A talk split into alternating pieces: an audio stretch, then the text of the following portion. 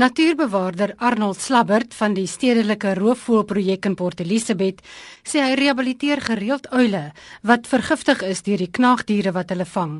Hy sê dis nie die inheemse spesies wat moeilikheidmakers is nie, maar die wat oorspronklik van Asië hierheen gekom het, soos die dakrot wat ons nags wakker kan hou en 'n klimmer van formaat is met sy lang stert en smil aan kos op komposhope en voelvoeders is hy wat die plaag aangedra het in die middeleeue en amper die hele van die beskaafde wêreld uitgeroei het. Die breinrot is die grootste van die rotte liggaamsgewys kom gewoonlik op die grond voor. Hy's hoofsaaklik 'n vleiseter en dit is die rot wat mense aanval. Dit is 'n regtig aggressiewe dier. In die middestad kry jy hulle. Daar's talle maniere om die peste van kant te maak, solank dit net nie gif is nie. Jy kan die water in die gate inpomp vloed net daai gate tot hulle uitkom en jy maak hulle dood. Of jy stel natuurlik slagysters hom. Dit werk goed nie. Ek maak duisende rotte in slagysters en vang ook dood. My gunsteling aas en dis nou 'n goeie een wat enige huishouding kan gebruik is hoenderbeentjies en hoendervleis. Dit is al twee jou rotte en die huismuis lief voor. 'n Kat in die huis ook werk ontsettend goed. Maar Slabbert sê die heel beste is om nie 'n geskikte blyplek vir knaagdiere te skep nie. Hy meen hulle kom meestal voor in gegoede woonbuurte waar mense kos mors en nie behoorlik daarvan ontslaa raak nie. Knaagdiere, nesmense, het kos, water en blyplek nodig. As een van die elemente bemoeilik word, belemmer dit voortbestaan. As jy die plek waar hy bly moeilik maak om te bereik, soos wat ek gesê het met die dakrot, sny die takke weg, maak dit oop, wat ook al.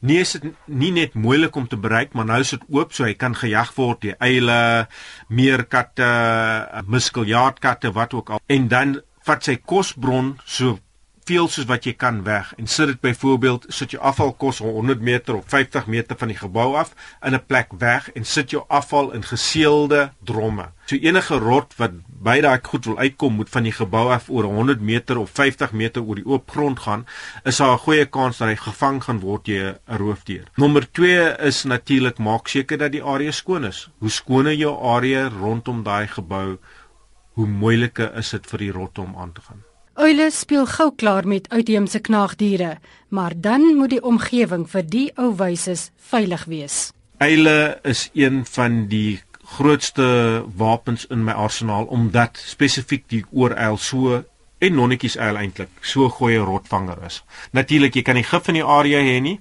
en dan moet ook kos wees vir hom. Jy gaan nie daarso in, jou area kom bly as jy geen rotprobleem of nie rotte of niks het om vir hom te eet.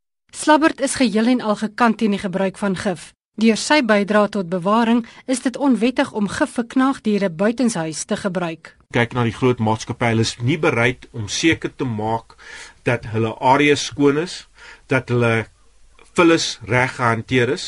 Hulle wil net goedkoop alles doen en ongelukkig is gif taamlik goedkoop. Want al wat jy doen is jy gaan strooi 'n hele klomp gif staan terug maak jou oë toe vir al die onskuldiges wat daaronder lê en vrek en gaan maar aan met jou besigheid. Maar wêreldwyd verander dit. En jy kan sien daar is nou 'n groot beweging teen gif.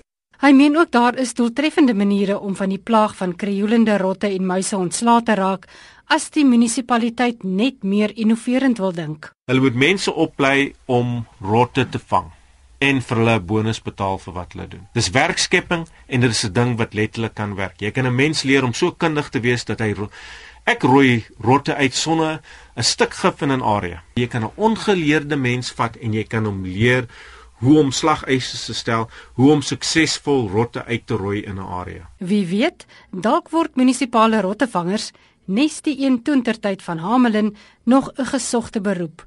Veronica Fourie in Port Elizabeth.